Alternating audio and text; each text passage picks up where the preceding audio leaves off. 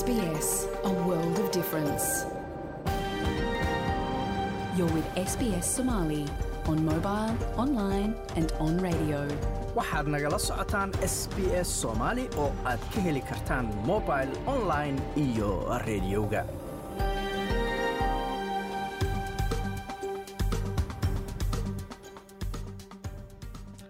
habeen wanaagsan dhammaantiinba meel kastoo aad joogtaan waa habeen arbacaa bisha augustana ay tahay soddon iyo kow sannadka labada kun iyo labaiyo labaatanka.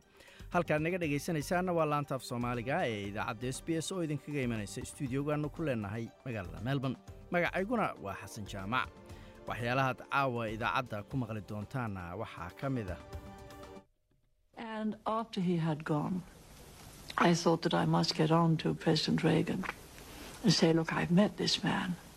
And uh, he's quite different. And the phrase just tumbled out. He's a man we can do business with. waa ra'iisul wasaaraddii hore ee dalka britain margaret ticher oo ka hadlaysa kulankeedii u horreeyey oo ay la yeelatay madaxweynihii ugu dambeeyey ee midooda sofiyeetka mikhail gorbajef oo geeriyooday isagoo sagaashan iyo kow jira warbixin ayaad ku maqli doontaan sidoo kale waxaad maqli doontaan there is a certain percentage of stillbirth that can be prevented by very simple things that mums can do, that health practitioners can do at an early point. So it's very, very important to raise this issue during pregnancy. waa warbixin ku aadan muhiimadda ay leedahay in daryeel iyo xanaano gaara la siiyo hooyooyinku marka ay uurka leeyihiin warbixin ayaad ku maqli doontaan sidoo kale waxaad maqli doontaan waxaan kale oo halkaan rabaa inaan galabta uga dhawaaqo colaadan oo muddo dheer qaadatay waxaan go'aansannay inaan bisha sebteembar tobankeeda gogashii aan u dhigno labada beelood ay ku wada hadli lahaayeen magaalada dhuusamareeb magaala madaxda galmudug. Halkaana waxaan ka codsanaynaa odayaasha dhaqanka iyo salaadiinta iyo labada maamulba inay u soo xulaan dad waxgal ah kana qayb qaadan kara nabadda nabadna dhalin kara. Waa laba beelood oo markaasi dhexdhexaadin nabadayna laga dhex wado maamul goboleedka galmudug warbixintii arrimaha soomaaliya ayaad ku maqli doontaan. Marka horese warka caawana waxaa ugu waaweyn madaxda ka qayb gashay maanta golaha qaranka ayaa ku heshiiyey in la dhimo wakhtiga dadku ay karantiilka ku jiraan marka uu covid ku dhaco chris dawson ayaa tegey ama la geeyey xabsiga silver war ee magaalada sydney saaka kadib markii lagu helay inuu dilay xaaskiisii lane dawson muddo afartan sano ka hora. Khasnajiga federaalka jim jalmersna waxa uu dafiray in ururada shaqaaluhu ay inta badan hawsha la wareegayaan shir madaxeedka shaqada iyo xirfadaha ee dhowaan ka furmaya magaalada cambera wararkaas iyo kuwo kale u diyaar garooba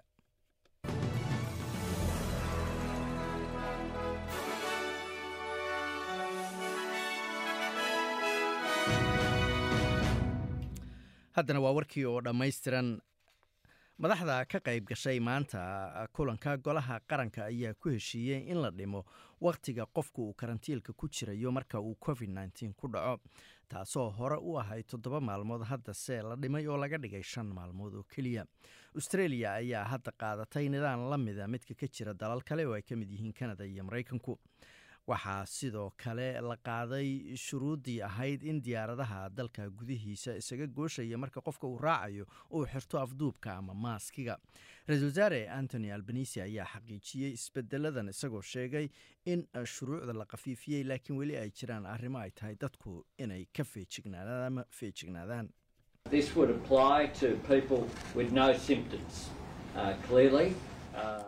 arrintani waxay khuseynaysaa ayuu yidhi dadka aan lahayn ama isku arkin calaamadaha lagu garto covid nka waase mid cad buu yidhi in haddii calaamadahaas aad weli iska dareemayso lagaa doonayo inaad gurigaaga joogto. Waxaan doonaynaa ayuu yidhi in dadku si mas'uuliyadu ku jirto ay u dhaqmaan.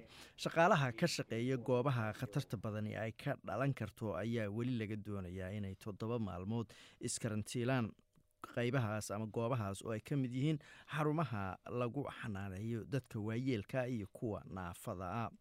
Ra'iisul wasaare albanisi ayaa sheegay in golaha qaranku ay mar kale kulmi doonaan laba asbuuc kadib si ay uga wada hadlaan in la sii wadi doono iyo in kale lacagaha la siiyo dadka marka uu covidka ku dhaco ee loo yaqaano pandemic paymentiga taasoo hadda ku eg ayaa la yiri marka la gaaro bisha sebtembar waa bisha beri kow ah.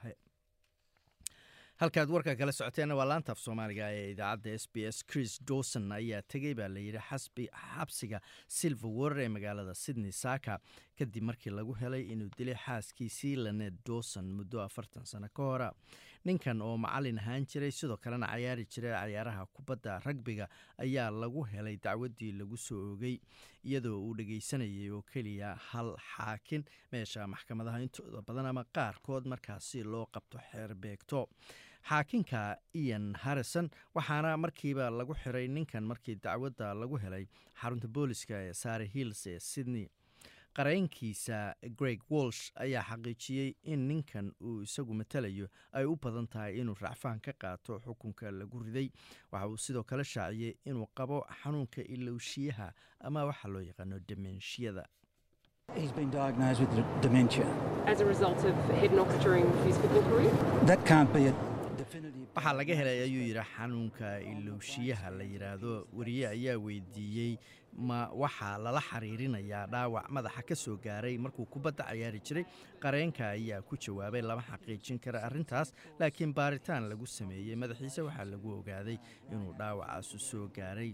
Marka taas miyaa sabab ama gundhig u ah baa la yidhi arjiga aad ku doonaysaan in damaanad lagu sii daayo ninkan kadibna racfaanad aad qaadaan. Qareenka ayaa ku jawaabay marka laga hadlayo xanuunka ama xukunka aan dhehe dabcan xanuunka madaxu wuxuu noqonayaa mid ay tahay in laga fakaro sababtoo ah xabsigu waa ku adkaanaya ayuu yidhi ninkan wuxuuna qabaa xasuus la'aan dhaba. Wakhtiga markaasi la go'aansanayo waxa xukunkiisu uu noqonayo ama inta sano ee xabsiga lagu xukumi doono ayaan weli la go'aamin. Khasnajiga federaalka dalkan australia jim chalmers ayaa dafiray in ururada shaqaaluhu intooda badan ay hawsha la wareegayaan marka la qabto shir madaxeedka shaqada iyo xirfadaha ee dhowaan furmaya. Shirkan ayaa lagu wadaa inuu ka furmo kambara berito oo khamiisa waxaana ka qaybgalaya wakiilo ka kala socda ganacsatada ururada shaqaalaha dowladda iyo kooxo kale oo bulshada ka tirsan. Mucaaradka ayaa sheegay in matalaada ururada shaqaaluhu ay ka xoog badnaan doonto kooxaha kale oo dhan laakiin mer chalmers ayaa sheegay inaysan taasi run ahayn. Waxaa jira wakiilo ka badan oo ka kala socda shaqabixiyaasha iyo ganacsatada marka loo eego ama loo barbardhigo ururada shaqaalaha inaan diyaarino liiska dadka lagu martiqaaday ma ahayn ayuu yidhi howl sahlan way adkayd in laysu dheelitiro dhibkuna waxa weeye buu yidhi in dalkeenna ay ka jiraan boqolaal haddaysanba kumanaan qof ahayn oo xaq u lahaa inay ka qayb galaan shirkan. Waxaan ka jawaabay buu yidhi telefoonno iyo fariimo oo ka badan kuwii weligay aan hore uga jawaabay sababtoo ah qof kasta wuxuu doonayey buu yidhi inuu markaasi ka qayb galo shirka. Waana arrin fiican ayuu yidhi mr chalmers madaxweynaha maraykanka joy joe biden ayaa difaacay hay'adda baarista dembiyada ee f b i da la yidhaahdo iyadoo hay'addan iyo weliba shaqaalaheedu ay wajahayaan dhaliilo. Wixii ka dambeeyey markii ay baaritaan ku sameeyeen guriga uu ka degan yahay madaxweynihii hore ee dalka maraykanka donald trump gobolka florida bilowgii bishan mr biden ayaa sidoo kale waxa uu waday in la mamnuuco hubka ama qoryaha wadankaasi lagu isticmaalo qaarkood. Marka uu senatarka ahaa mr biden ayaa qeyb ama door lixaadla ka qaatay ayaa layidhi in si ku meel gaara loo mamnuuco qoryaha ama hubka waaweyn ee markaasi dadku ay qaataan oo ay ku jiraan bistooladaha qaarkood iyo qoryaha a r ka la yidhaahdo waxaana uu doonayaa hadda in sharcigaasi uu dib u soo celiyo mr biden ayaa ku doonaya inuusan jirin wax caqaliyada oo ah in loo isticmaalo hubkaasi meel ka baxsan goobaha dagaalka khudbadda uu jeediyey shalay oo talaado ahayd ayaa ka dhigan tii u horreysay saddex safar oo uu ku tegayo gobolka pennsylvania oo markaasi aad arrintaasoo muujinaysa doorka lixaad kale ee gobolkan uu ku leeyahay arrimaha doorashada soo socota. Mr trump ayaa laftigiisu dibadbaxyo ama isu soo baxa ku qabanaya isla gobolkaasi maalinta sabtida ah. Wararka gudaha haddaana dib ugu soo noqono premierka gobolka new south wales dominic perotey ayaa markaasi digniin kama dambaysa u jeediyey darawallada tareemada ee gobolka new south wales isagoo uga digay inay si deg dega heshiis ula gaaraan dowladda haddii kale uu kayskooda u diri doono guddiga arrimaha shaqada iyo shaqaalaha kala gooya ee la yidhaahdo fair work commission. Tareemada ayaa dib u dhac ku yimid maalin kale gebi ahaanba magaalada sydney oo dhan iyadoo adeegyada tareemadu markaasi socday ay labaatan iyo shan boqolkiiba oo keliya ahaayeen labaatan iyo afartii saacadood u dambeysay. Kadib markii shaqaaluhu markaasi ay shaqo joojin sameeyeen labaatan iyo afar saacadooda premier peretate ayaa sheegay inuu ku amray wasiirkiisa gaadiidka inuu soo afjaro ama soo gebagabeeyo wadahadalada uu la leeyahay urur shaqaaleedka matala darawalada ee la yiraahdo rail unionka maanta. Isagoo ku hanjabay waa premierke in haddii taasi dhici weydo xal laga gaari waayo uu aado guddiga shaqada iyo shaqaalaha ee fair work commissionka la yiraahdo haddii markaasi mar dambe shaqo joojin la sameeyo. Alex classen oo ka tirsan urur shaqaaleedka tareemada basaska iyo taraamyada ayaa sheegay in hadda la hakin doono shaqo joojinta.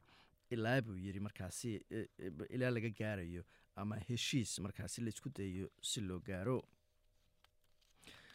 wararka dibaddana mar kale haddaan dib ugu noqono ra'iisul wasaaraha dalka bakistan shabaas shariif ayaa sheegay in laba boqol iyo soddon iyo saddex milyan oo hay'adaha qaramada midoobay ay dalbadeen si gargaar cuntaa loo gaarsiiya dalkaasi loo baahan yahay in aada loo kordhiyo.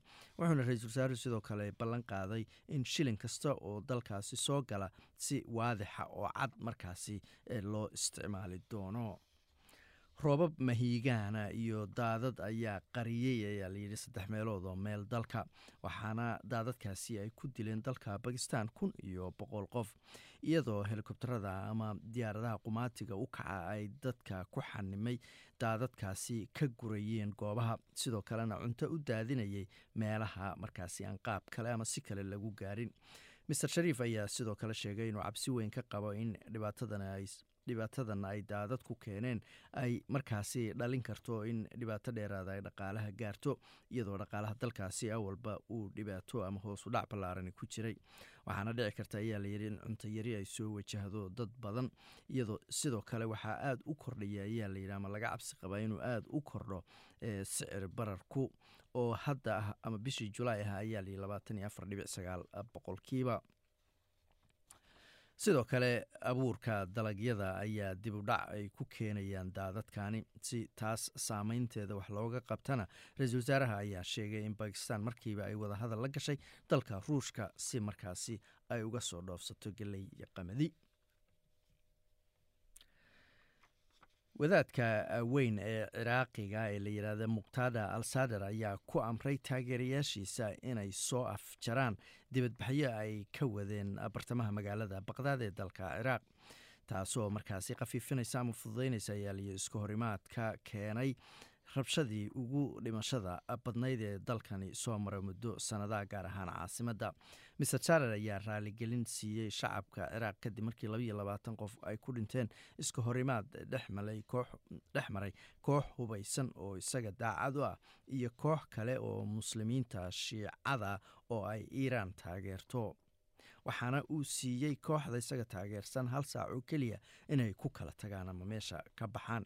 Taageerayaasha master sader ayaa markaasi ka tegay goobta green zonka la yidhaahdo ee aadka loo waardiyeeyo halkaas oo ay baarlamaanka haysteen muddo asbuuciya iska horimaadyada markaasi dhacay isniintii ayaa yimid toban bilood kadib mariwaa dhanka siyaasadda oo wadankaasi ka jiray kadib doorashadii baarlamaanka ee dhacday bishii oktoobar taasoo keenta ama dhalisay cabsi badan oo ah in markaasi rabshadaha iyo dhibaatooyinku ay sii bataan. Sideed dal oo ka tirsan midowda yurub oo ah dalalka ku safan badda baltiga la yidhaahdo ayaa isu yimid iyagoo markaasi ku dhawaaqay in toddoba laab lagu samayn doono ama la kordhin doono korontada laga dhaliyo dabaysha marka la gaaro labada kun iyo soddonka. Tan ayaa qeyb ka ah ayaa layidhi istaraatiijiyad goboleed oo lagu doonayo in lagu yareeyo ku tiirsanaanta aadka u baahsan ee lagu tiirsan yahay gaaska dabiiciga ee ruushka ka yimaado kaasoo hadda la xanibay wixii ka dambeeyey markii ruushka uu ku duulay dalka ukraine isagoo ka hadlaya shirkan ay isugu yimaadeen ama shir madaxeedkan dhanka korontada ee ay isugu yimaadeen dalalkan oo lagu qabtay magaalada copenhagen ee dalka denmark ayuu ra'iisul wasaaraha dalkaasi mete frederikson waxa uu ka degay ka digaandhehe in aad loogu tiirsanaado tamarta ama korontada dhanka ruushka ka imanaysa saadaasha hawada berita oo khamiisa qeyb dambe ama mar dambe ayuu roobab imaanayaan ayaa layiri magaalada melbourne. Sydneyna sidoo kale roobab ayaa la filayaa labaatan iyo kow digri ayayse gaaraysaa. Halka australian dollar maanta waxaa lagu sarifayay lixdan iyo sagaal senti oo lacagta maraykanka ah. Halkaad qadarkaas xayeysiinta kala socoteen waa laanta af soomaaliga ee idaacadda s b s weli waxaa noo soo socdaa warbixino kala duwan marka horese mikhail gorbajef waxa uu midoogii sofiyetka madax ka ahaa muddo ku dhow toddoba sano waxaana uu geeriyooday shalay isagoo sagaashan iyo kow jira.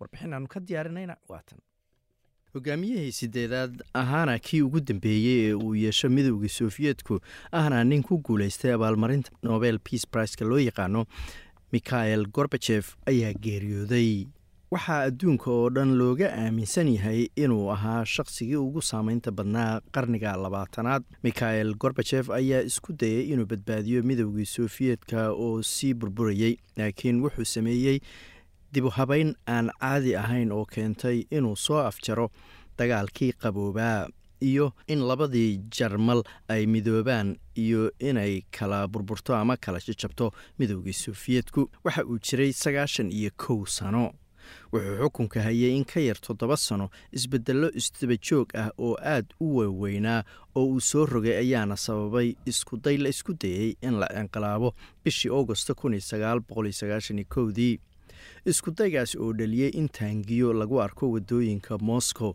iyo dibadbaxyo looga soo horjeeda inqilaabkaasi robert moore oo ahaa wariye uga soo waramayey idaacadda i t v-ga moscow wakhtigaas ayaa yidhi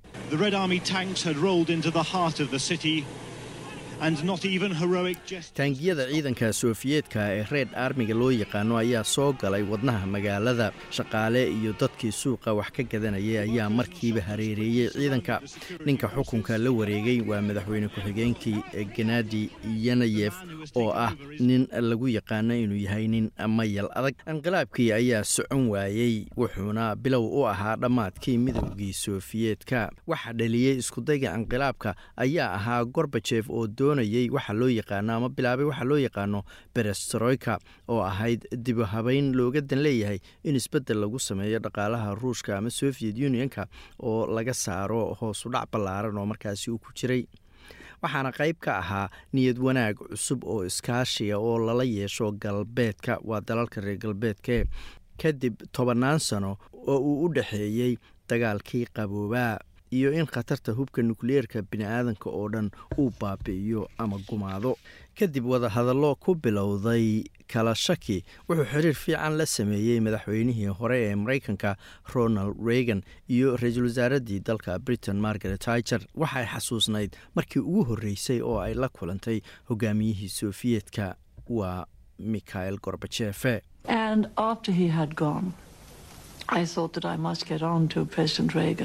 markii kulankii noo dhammaaday oo uu tegey waxaan isiri waa inaan la hadlo madaxweyne reegan oo ku dhaho ama u sheego ninkii waan la kulmay waana nin aad uga duwan madaxdii hore ee sofiyeetka waxaana maskaxdayda ku soo dhacday ninkani waa mid aanu la shaqayn karno. Isagoo ku dhawaaqayay heshiiskii yaraynta hubka nukliyerka ee dhex maray midowgii sofiyeetka iyo maraykanka xiriirka diiran ee u dhexeeya reagan iyo gorbajef ayaa ahaa mid aan qarsoonayn.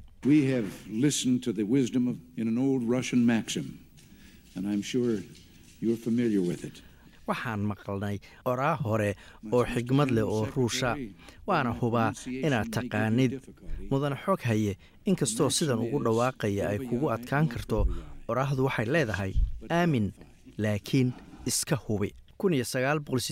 Toddobadii ayuu madaxweyne reegan ku booriyey gorbajef inuu dumiyo derbigii kala barayay magaalada berliin oo u kala qaybsanayd bariga iyo galbeedka.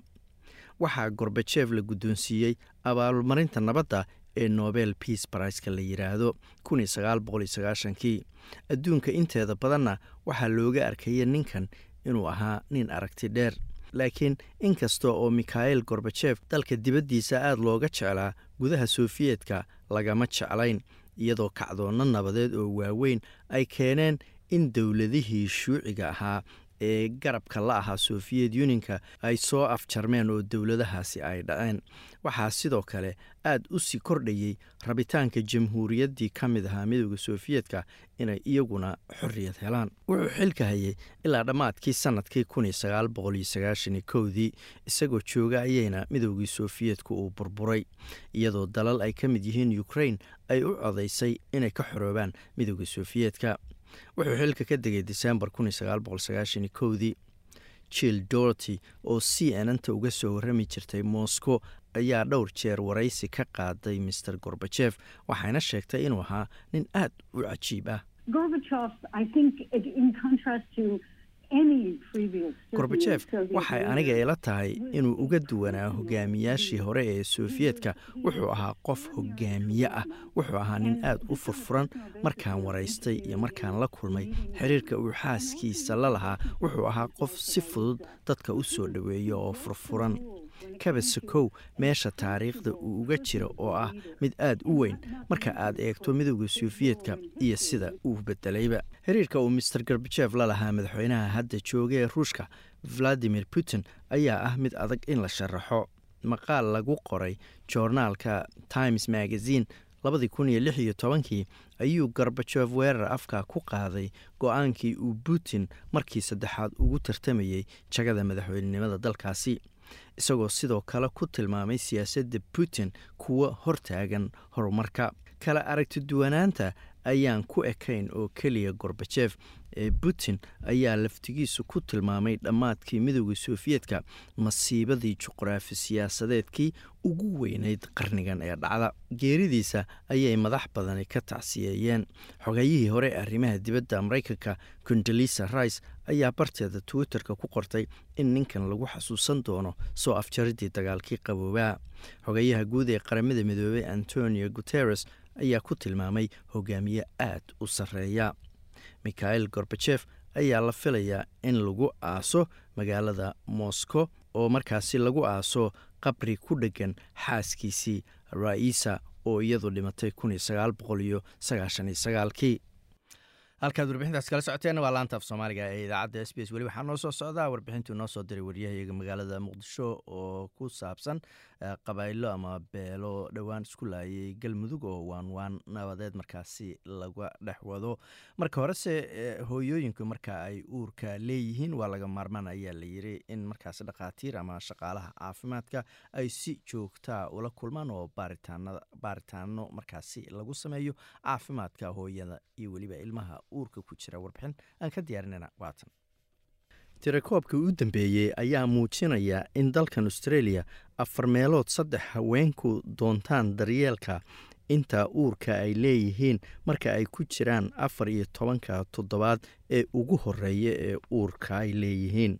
Kuwa aysan u badnayn inay doontaan daryeelka ilmaha uurka ku jira saddexda bilood ee u horreeya waxaa ka mid a haweenka ku dhashay dalka dibaddiisa iyo gabdhaha yaryar dhakhaatiirta caafimaadka ayaa sheegay in in hore loo bilaabo baaritaanka uurka ay door weyn ka qaadan karto caafimaadka hooyada iyo ilmahaba. Haddaba marka maxay muhiimad u tahay arrintani? Titoresa adel murdolow waa madaxa xarunta caafimaadka haweenka dhaqamada kala duwan ee melbourne. Waxay sheegtay in daryeelka haweenka uurka leh looga dan leeyahay sidii kor loogu qaadi lahaa caafimaadkooda loogana hortegi lahaa xanuuno ku dhaca hooyada iyo ilmaheedaba.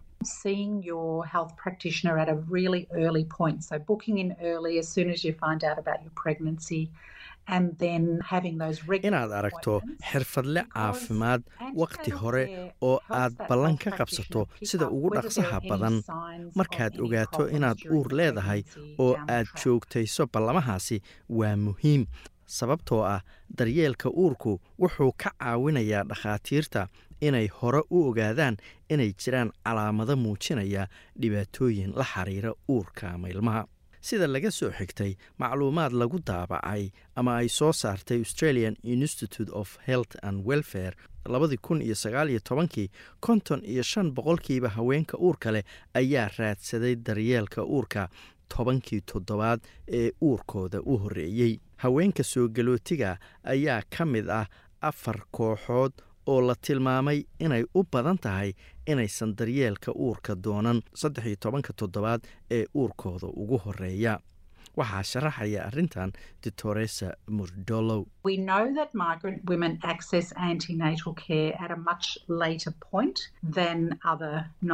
Waan ognahay in haweenka soo galootiga ah ay wakhti damba doontaan xanaanada uurka. marka loo barbardhigo haweenka aan soo galootiga ahayn dowladda australia waxay haweenka kula talinaysaa inay ballantooda ugu horreysta samaystaan tobanka toddobaad ee ugu horreeya uurka. laakiin waxaan ognahay in xataa labaatan toddobaad kadib labaatan boqolkiiba haweenka soo galootiga aysan raadsan daryeelka uurka.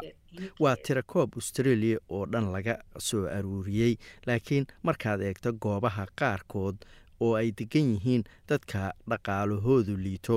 Tirakoobkaas xataa aad ayuu uga sii yaryahay tiradaasi ayay tidhi waxaan sidoo kale ognahay ayay tiri in haweenka soo galootiga qaarkood aysanba raadsan daryeel inta ay uurka leeyihiin oo dhanba. Ditoresa murdolow ayaa sheegtay in baaritaan joogto ah wakhti hore lagu ogaan karo dhibaato haddii ay ka jirto ama ku jirto uurka There are some conditions that migrant and refugee women have a higher rate of, so gestational diabetes. waxaa jira xanuuno ku badan haweenka soo galootiga ah sida sonkorowga uurka lala xiriiriyo dhiikarka uurka lala xiriiriyo iyo ilmaha dilma oo haweenka soo galootiga ah ku badan marka inta badan haddii khatarta jirta hore loo ogaado dhakhaatiirtu taageero gaara ayay siinayaan haweenkaasi uurka leh inta ay uurka leeyihiin ama marka ay dhalayso. Amanda henry waa brofesoorad ku takhasustay arrimaha dhalmada iyo uurka haweenka kana tirsan jaamacadda new south wales ee gobolkaasi. Sidoo kalena waxa ay ka shaqaysaa cisbitaalada st george iyo royal womens hosbital oo ku yaalla sydney. Waxay sheegtay in lagu talinayo in haweenka uurka leh ay tobanka toddobaad ee ugu horreeya aragto shaqaale ama dhakhaatiir caafimaad ee aysan sugin afar iyo toban toddobaad kadib. The tests that we do, um, routine sort of tests in pregnancy, I guess fall into three main categories. There's sort of baaritaanada caadiga ah ee aanu ka qaadno haweenka uurka leh. waxay u kala qaybsamaan saddex qaybood. as, midda um, hore bay tiri waa ultrasoundka pressure, ama sucaaca health. sawirka ilmaha hoose lagu ogaado. Dhiig iyo kaadi ayay tiri kadibna waxaan ka baarnaa ilmagaleenkeeda dhiigkarka iyo xanuunka dhimirka rofesored henry ayaa sheegtay in kulanka ugu horreeya uu yahay inay la kulmaan dhakhtarka xaafadooda ama dhakhtarka u gaarka qofka ee g b ga la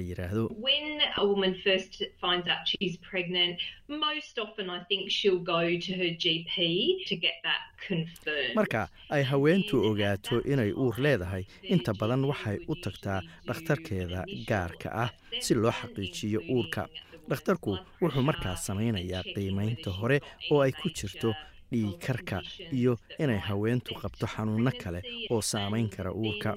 Kadibna dhakhtarku wuxuu u dirayaa baaritaano dhiig iyo kuwa kaadiyeed.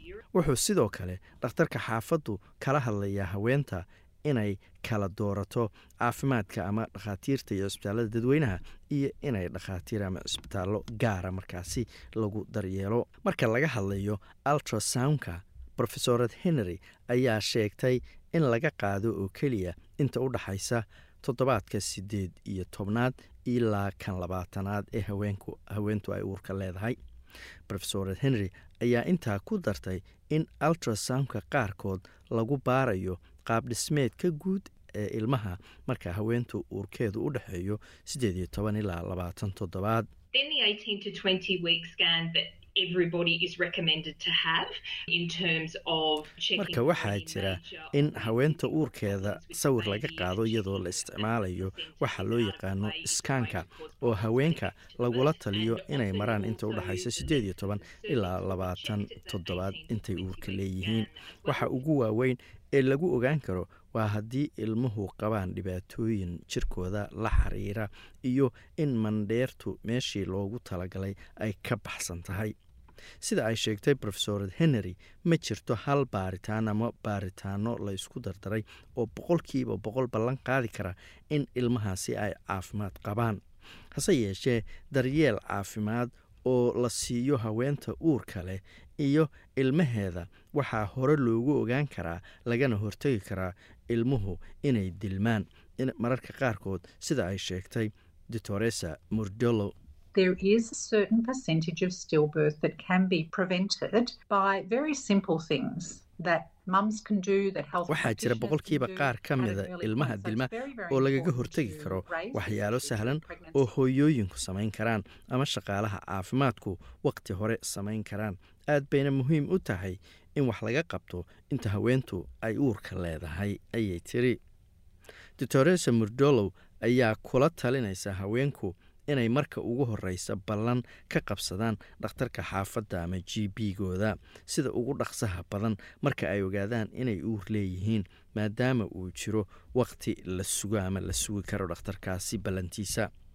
Waxay kaloo sheegtay in haweenka aan af ingiliishka aqoon aysan la socon inay turjubaan heli karaan inta daryeelka uurka ay raadsanayaan ama uu socdo halkaad weli nagala socotaan waa laanta af soomaaliga ee idaacadda s b s. Haddana waa warbixintuu noo soo diray waryahayaga magaalada muqdisho iyada oo maalmihii ugu dambeeyey deegaano ka tirsan gobolka galgaduud dagaal beeleed khasaare geystay uu ku dhex maray maleeshiyo beeleed ka soo kala jeeda. Magaalooyinka cadaado iyo cabuudwaq ayaa waxaa deegaan lagu magacaabo labogale ka furmay shir dib heshiisiineed oo lagu heshiisiinayo beelaha halkaasi dirirta ku dhex martay. Shirkan lagu doonayo in xal looga gaaro colaada halkaasi ka taagan ayaa waxaa soo abaabulay wasaaradda arrimaha gudaha iyo dib heshiisiinta ee galmudug iyada oo ay ka qayb galeen wasiiro iyo xildhibaano ka tirsan maamulka galmudug saraakiisha ciidamada ammaanka dowladda federaalk soomaaliya maamulada degmooyinka cadaado iyo cabuudwaaq iyo waxgarad ka tirsan beelaha dagaalamay intii uu socday shirkan ayaa waxaa laga dooday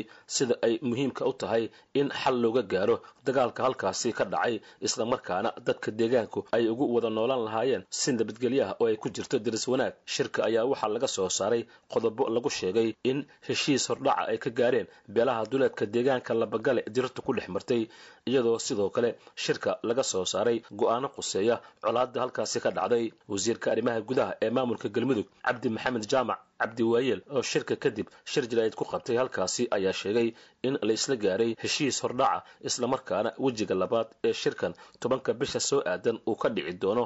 Magaalada caasimada u ah maamulka galmudug ee dhuusamareed isagoo intaa raaciyey in goobihii lagu dagaalamay ay la wareegeen ciidamo ka tirsan dowladda federaalk ee soomaaliya. Go'aamada galabta halkan lagu qaatay waxaa ka mid ah qodobka koowaad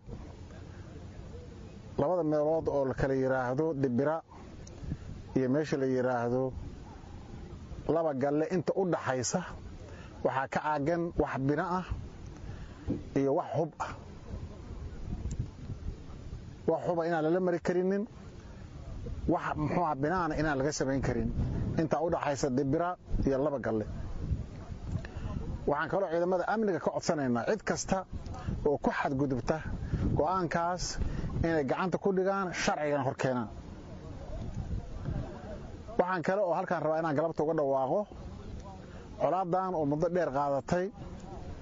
Waxaan go'aansannay inaan bisha sebteembar tobankeeda gogashii aan u dhigno labadaa beelood ay ku wada hadli lahaayeen magaalada dhuusamareeb magaala madaxda galmudug. Halkaana waxaan ka codsanaynaa odayaasha dhaqanka iyo salaadiinta iyo labada maamulba inay u soo xulaan dad waxgal ah kana qayb qaadan kara nabadda nabadna dhalin kara haddii ilaahay idmo. Marka gogashaasaa taalla waxaan ka codsanaynaa si mug leh in looga soo qaybgalo annagoo rajaynaynaa in gogashaa ay ka soo bixi doonto wax dadkaan u aayaan dagaalka muddada dheer oo afartanka sano ka badana socdayna ku soo gabagaboobi doona haddii alla idmo. Waxaa kale oo aan rabnaa ka wasaarad ahaan inaan magacawno guddi lix ah oo labada dhinac ka kala imaanaya labada degmo lana shaqeeya ciidamada amniga ilaa inta laga hubinayo xasiloonida iyo kala dambaynta deegaankan ee dagaaladu ay ka dhaceen. Aad iyo aad baad u mahadsantihiin qaar ka mid a waxgaradka shirkaasi ka qaybgalay ee ka kala socday labada beelood ee maleeshiyaadkoodu halkaasi ku dagaalameen ayaa dhankoodii warbaahinta la hadlay iyagoo aad u soo dhoweeyey shirka dib heshiisiineed ee ay soo agaasintay wasaaradda arrimaha gudaha ee maamulka galmudug waxaanay sidoo kale maleeshiyaadka ku adkeeyeen inay nabadda ka shaqeeyaan. Waxaa looga heshiiyey xabad joojin. Annaga marka waxaan ku baaqaynaa in nabad la qaato.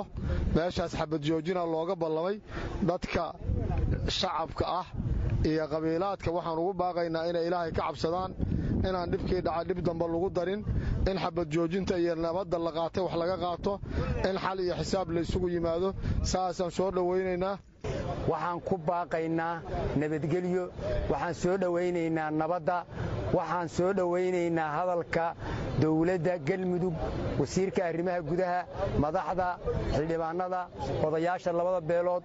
Waa soo dhowaynaynaa nabadgelyada. Nabad la'aanba carrada taal. In wixii hadda ka dambeeya nabad la raadiyo nabad baan ku baaqaynaa. Waa ku talinaynaa in la nabdo. Waxaan ku baaqaynaa nabadaan ka qaadanay anagu galabta meeshaan waa la wada hadlay. Nabad baan qaadannay waxaan ugu baaqaynaa nabaddaas aan qaadannay dadka shacabka oo labada beelood inay nala qaataan waxaa la yidhi wiil baa ku dhintee wiil kuma dhasho muxuu ahayo colaad. Intii naga dhimatay maanta ay barordooqii dhibaato noogu filan ciidahoodii noogu filan. Ilaahayna waxaan ka rajaynaynaa mid damba inaysan meesha aysan ka dhicin oo ay dadkaasi walaalkii iyo sidii ay ahaan jireen iyo heladii iyo dirisnimadii sidii ay ku soo laabato. Inta badan deegaanada dhaca miyiga gobollada dalka ayaa waxaa caado ka noqotay inay ka dhacaan dagaal beeleedyo ay ka dhashaan khasaare naf iyo maalba leh waxaana inta badan dirirtaasi ay dhex martaa beelo walaalo ah oo ay colaadeedii ku salaysan tahay oo keliya dhuldaaqsimeed iyo soohdin dhanka kale xilli ay isa soo tarayso khayladhaanta ka imaanaysa boqolaal kun oo qoys kuwa oo ay haysato abaar aad u daran ayaa guddoomiyaha hay'adda maarinta masiibooyinka qaranka ee dowladda soomaaliya maxamuud macalin cabdulaahi waxa uu kulan wadatashiya la qaatay. Ganacsato iyo qaar ka mid ah culimaadudiinka reer muqdisho guddoomiyaha ayaa ka warbixiyey korarka dadka ay abaartu hayso iyo sidii loo gaarsiin lahaa gurmud isagoona xusay inay dhibaato ka jirto gargaar gaarsiinta goobaha ugu daran ee abaartu ay ku dhufatay. Waxa uu sheegay in loo baahan yahay in ganacsatadu ay gacan la taaban karo ka geystaan ka qayb qaadashada gurmadka loo fidinayo dadka abaartu ay la degtay. Sidoo kalena culimaadudiinku ka codsaday inay la shaqeeyaan. Toddoba milyanay saamaysa abaartu. Laba milyan oo ka midana waa barakacda nambar badan hadda muqdisho soo gaarayo i d bska magaaladan ayuu buuxaa. Waxaan marka waxaan rabnaa marka culummadayni ganacsatadayni dalku dhibaataa ka taagan dhibaato weyn. Waxaad arkaysaan hadda dalka soomaaliya meel aysan gaarin dhibaatadu ma leh. Furum ka soo bilow dhulkii dhulalkii ilaa iyo muxuu ahay ceerigaabo iyo halkaas ka soo bilow ilaa meesha ugu dambayso dhibaatadu way ka jirtaa. Dhibka marka taagan wuxuu yahay xilli roobaadkii hadda ugu dambeeyey wuu baaqday xilli roobaadka soo socdana ilaaha garanaayo dadku waa inaan xatee ducadii iyo roob doonkii iyo in mataqaanaa waxuu ahay bal horta ka mid waay waxaan rabnaa culumooy annagu waxaan ognahay dadka soomaaliyeed waa dad muslimiina oo mataqaanaa waxuu ahay muxsiniina laakiin waxay u baahan yihiin cid u sheegto kuna dhex baxdo. Sideedaba dadku waxa waa iiga iskaalmaystaan dalka dhibaato weyna laga soo sheegayaa annagu hadda halkaas caqabadaha ku yaallo meesha waxaa taagan waa dareemi kartiin. Waxyaabaha dhaqaalo lama hayo. Amni darra way jirtaa oo jidadkii lama mari karo. Hadda qof aad wax u gey karto ma jirto. Jawhari wax ma gey kartid. Inta hadda meeshaas ku jirtaa in barkacayaashaan la siiyo banaanka diyaaradda aad ku qaadaysid iyo raashinka qaadaysid diyaaraddaa qaadaysid. Madaxda hay'adda culimaadudiinka soomaaliyeed sheekh bashiir axmed salaad iyo sheekh cabdulqaadir soomow ayaa dhankoodii waxay xuseen inay warbixin dareen xambaarsan ay ka dhagaysteen guddiga maaraynta masiibooyinka. Waxaanay sidoo kale ku baaqeen in laga qayb qaato gurmadka dadku abaartu ay hayso maanta runtii kulan aan la qaadanay hay'adda maaraynta masiibooyinka warbixin xanuun badan bay noo soo gudbiyeen oo runtii intii aan ogey ka tiro badan kana xanuun badan. Marka meeshan waxaan ka sujeedaynaa baaq ah in la isku gurmado oo dadka soomaaliyeed iskaalmeeyaan abaartii maaragtay runtii dhimashay maraysaa waxay maraysaa dadkiiyo maaragtay gaajo u dhimanaya biilaan u dhimanhaya ka horna xoolahoodii ayaa soo dhammaaday adduunkuna maanta qolo kasta irdiheeday xiranaysaa waxeeday maamulanaysaa marka beel caalam oo la suga ma jirto. Ilaah subxana watacala ayaan sugaynaa iyo annagoo isku kaashanna oo tacaawunkiina la amray oo khayrka iyo wanaagga la isu kaalmaysanaya waqtigiisi baa la joogaa maaragtay bishii sako oo hadda naga dhammaatana waa la joogaa. Waxaanu leenahay haddaan culammada soomaaliyeed nahay dadka soomaaliyeed meeshay joogaan guda iyo dibadba waxaan ugu yeeraynaa inay gacmaha isqabsadaan. Maanta waa maalintii badbaadada ee dalka iyo dadka la badbaadi lahaa. Maalintii la garab istaagi lahaa dadka soomaaliyeed. Hal qof ruuxii badbaadiya. Wuxuu la mid yahay asagoo dhammaan dadka wada badbaadiyey waman axyahaa fakaannama axya naasa ilaah uu leeyahay.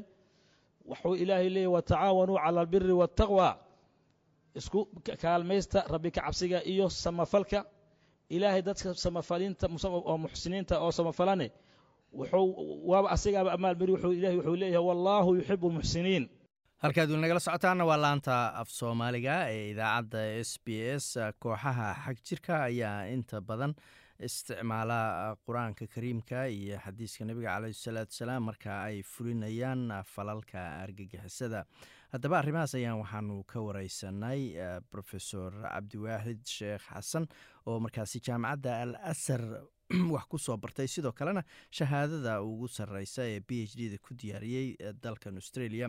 Qeybtii labaad ee wareysigan oo dheeraa ayaan doctor cabdiwahaab waxaan weydiiyey bal aayadaha markaasi kooxahaasi ay isticmaalaan si ay qiil ugu yeelaan falalkooda argagixiso waxaanu yidhi aayado aada u waaweyn weeyaan. Waxaynu u baahan tahay dood dheer ba u baahan tahay waxaa katalo dir waxaa kaloo aayada leeda waqaatilu mushkiliina kaafa kamaa yuqaatiluunakum kaafa tanaba kuu ah? Gaalada la dagaalama dhammaantiin siday dhammaantiin idinkula dagaalamayaan. Siday dhammaantiin idinkula dagaalamayaan. Waxaa kale oo muhiima oo aayadan muhiima oo runtii inoo waxaynaysa inoo fasiraysa ilaahay markuu leey subxana wa tacaala wa in janaxuu lisilmi fiiri hadday gaaladu wa in janaxuu lisilmi fajnax laha watawakal cala allah ina wasimun caliim. Dadka idinka soo horjeeda ee gaalada markaa idinla dagaalamayay hadday nabadgelyo doonaan oo nabadgelyo u bareeraan ama nabadgelyo u ishaan ama nabadgelyo muujiyaan fajnax lahaa nabadgelyada qaado xagga nabadgelyada u biir xagga nabadgelyada u bado ilaahina tala saaro. Marka haddii nabadgelyo nabadgelyo hala dagaalamin bikood nabadgelya dheheen wuxuu kaloo ilaahina leeyahay. Haddayna idinla dagaalamin oy ka dheeraadaan in idinla dagaalamaan. Ka dheeraadaan dagaal. Oy nabadgelyo idinku baaqaan. Ama nabadgelyo gacanta u taagaan. Ama nabadgelyo dalbadaan. Ama nabadgelyo diyaaru yihiin. Famaa jacala allahu calaykum asabiil ilaahay jid idiinma banayn aad kula dagaalantaan. Jid idinkula dagaalantaan ilahay idinma banayn bikoos dadkani waa nabadgelyi ayay dalbadeen maxaad maraysa qof muslima oon kula dagaalamaynin oo dilayso iskaba daada dilitaane aad isku qarxinayso oo carruurtii iyo hooyooyinkii iyo dadkii duqeeyada ahaa iyo dadkii safarkaa dad aroorti ka soo baxay aad isku qarxinayso. Ood leelaa dadkii waan ku jihatagayaa oo kii kale aayaddu ku leeyahay waa sii diintu amartay uu leeyahay. Oon doodii codkii islaamka oo dheer aan laga hortagin waa arrin muhiima. Marka su'aasha taalo waxay tahay waxaa jirtay nebiga calai salatu salaam ayaa wuxuu arkay qof dumaroo la dila tusaale tusaale. Waa gaaladii marka la isdagaalamayay aad buu dhibsaday markaasuu amray war maxaa loo dila qofkan wuxuu amray inaan la dilin qof dumara iyo oday iyo carruur xitaa nebigu wuxuu amray geed xitaa inaan la jabinin geed inaan la goynin hantidooda inaan la burburinin su'aasha taagan waxay tahay dad muslim sheeganaya oo dadkii hantidooda iyo iyagoo dhan wada dilaya oo qarxinaya oon dood laga hor keeni karin. Sababto ah laba arrimood baa nimanka lagu hortegi karaa xasan one waa in lala dooda oo fikrad ahaan iyo waxay aaminsan yihiin la burburiyaa oo dooda ka xoog badan laga horta cod dheer lagula hadlaa iyo in oo marka la qabto cadaaladda la keeno. Waxaa effective ah saameynteedu ay muuqanaysaa oo miro dhalaysaa in lagula doodo fikirka lagula doodo marka waa dood taalla oo qof kastoo muslima u taalla weeye runtii. Waadna sii sheegtay sidee looga guuleysan karaa sidee xal loogu heli karaa dooda nimankan iyagoo isticmaalaya diintii dadkii laynaya oo qarxinaya oo isku qarxinaya sidee looga rayn karaa? Sidee xal ku yahay? Xalku wuxuu yahay fikradda hadda aan sheegay oo ah in fikrad laga hortago. Waxaan leenahay islaamku waa diin nabadgelyo. Waxaan leenahay islaamku waa diin raxmo. Tus waa diin dadka marka la doodaysa xitaa xikmad kula doodaysa. Aragti kula doodaysa. Qancin kula doodaysa waa in arrinta xoog la saara waa ilaah waa keenale udcu ilaa sabiili rabbika bilxikmati walmawcidati alxasana wajaadilhum bilatii hiya axsan kula dood dadka kaa horjeeda. Xikmad iyo wacdi fiican hadal fiican tala fiican wax sheeg fiican. Kula doodna tii saxda ah. Ta fiican kula dood. Doodaada ha ahaata xagga fiican. Bositifeka ha ahaato. Wanaagga ha ahaato. Ilaah wuxuu kaloo ina leeyahay walaa tastawi alxasana wala sayi'a idfac bilatii hiya axsan faida aladii baynaka wa baynahu cadaawatun kaannahu waliyun xamiim wanaagga iyo xumaantu ma sinmaan had iyo jeer ta fiican samee ta fiican samee qofka xitaa hadduu kaa soo horjeedo xagga fiican ka fiir xagga fiican samee markaad fiicli tusto doodaada aragtidaada habkaad ula macaamilayso qofka cadowga kuwa iyo adigaba waxay noqonaysaa xiriirkiinu xiriir wanaagsan cadaawaddinu way baaba'aysaa marka waxaa lagu hortegi karaa qancin. Oo markaan leenahay tusaale oo kale diintu waa nabadgeliyo laakiin foom ama koraad ka sheegaysa laakiin aadna tusayni diintu inay nabadgelyo tahay. Oodna tusayni doodaada ayna xoog lahayn. Haddii qof kalaha waxaa u muuqanaya inuu saxsan yaha u muuqanaysa. Tusaale yar baan kuu sheegaya oo muhiim ah. Nin aan saaxiibnoo jaamacadda melbourne qaybta islaamka haysta ayaa mar culummo wuxuu u sameeyey aimada halkan. Waxaa loo sameeyey train baa loo sameeyey waanu sheekaysanay wuxuu iga sheekeeyey culummada waanu sheegnay waxay leeyihiin diinta islaamku waa sax. Laakiin nimanka gaalada ee meesha jooga kuma qancaya waxay leeyihiin dadka isqarxinaya ayaa tii saxda ah wada. Sababto markaad tiraahdo diintu waa waa nabadgelyo. Laakiin doodii aadna keenaynin ay dadka kale waxay wataan baa u muuqan inay sax tahay baa u muuqan inay sax tahay. Mana jiitanteen hadday doodaadu xoogga leh haddaad bannaanka keeni lahayd oo kor u qaadi lahayd oo fikir kala iman lahayd. Arrintu may jirteen. Waxa ugu muhiimsan marka waa taasa ugu muhiimsan. Walaalkii waxaa muhiim oo kale fiiri. Waxyaalaha oon doodna waxa weeyaan inaan u sheegno. Inay diinta islaamku raxmad tahan leenahay. Marka raxmad tahay raxmaddu markay tahay raxmad baan sheegnaa. Raxmaddu waxay ka soo horjeedaa violence ka soo horjeedaa waxay ka horjeedaa in dad la dila ka horjeedaa in dad la dhibaatay ka horjeedaa waana sifooyinka ka mid ah ama tilmaamaha qofka bini'aadanka diin kasta haysto buudista ahaato muslim ahaato christian ahaato juish ha ahaado qof kasta bini'aadan xayawaanka raxmadda waa wax ilaah ku abuuray marka dadkii muslimka diinta islaamka leenahay raxmad bay leedahay ee dadkii muslimka raxmadda ilaah ka qaaday oo dadka laynayaan oo baabi'inayaan oo dadka muslimka dadka ugu dagaal badan ee dadka iyagu islaynaya waa dood meesha taagan oo tahay in laga jawaabo oo kor loo qaado codka waa inaan sheegnaa raxmadda waxay tahay. Afka un ma ah waa in la tusaa nuxurkeeda iyo si loo taaban taabashadeeda waa inaan tusnaa dadka waa inaan tusaa. Marka islaamku waa qalbi wanaag waa raxmad raxmadda waa inaan tusnaa doodda waa inaan keennaa dooddaas waa inaan keentaa. Waan ku bataye waxaan ku soo gebagabaynayaa wax sida looga hortagi karo. Dadkan islaamka culummada dood ugu weysa waa taa culummada muslimka weliba soomaalida. Waa dhibka soomaalida soddon sano isqarxis iyo dil ku jira. Culummada indhihii maadaama u yihiin dadka waa inay codkooda kor u qaadaan arrintan waa arrinta ugu muhiimsan ee dhaawacaysa diintii dhaawacaysa. Dhaawacaysa dhaqanka soomaalida dhaawacaysa. Jiritaanka soomaalida dhaawacaysa. Magacooda dhulka gelisay sababto waa nuxurkii soomaalinimada haddayna diintu hagsanaagsaneen dhaqankooda ma hagaagsaneen because dhaqanku wuxuu ku xunaysa diintu ku hagsan yahay.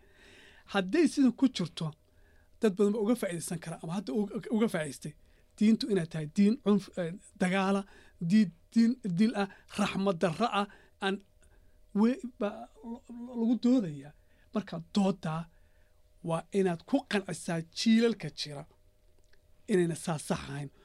Culummada mar kalean ku celinayaa oo su'aashay taagantaha haddii dadka dhibkaa wada argaxisanima wada ee intaa jiitamayay ee maalin kasta boroorta maalin kastaba dilka maalin kastaba dhaca maalin kastaba hanti burburinta maalin kastaba mustaqbal la'aan badida dadka soomaaliya iyo jiilasha soo socda. Haddii aan dood weyn la horgeynin lagala hortegin oon culimmada ka hortegin culummada mararka qaarkood dooda aan waxba ahayn. Isla wada kacaya mararka qaarkood oo maaragtay xoogooda un sidan kale ahayn. Haddiinay kaga hortegin sheekadu sidan baa soconaysaa. Marka taas ugu muhiimsan.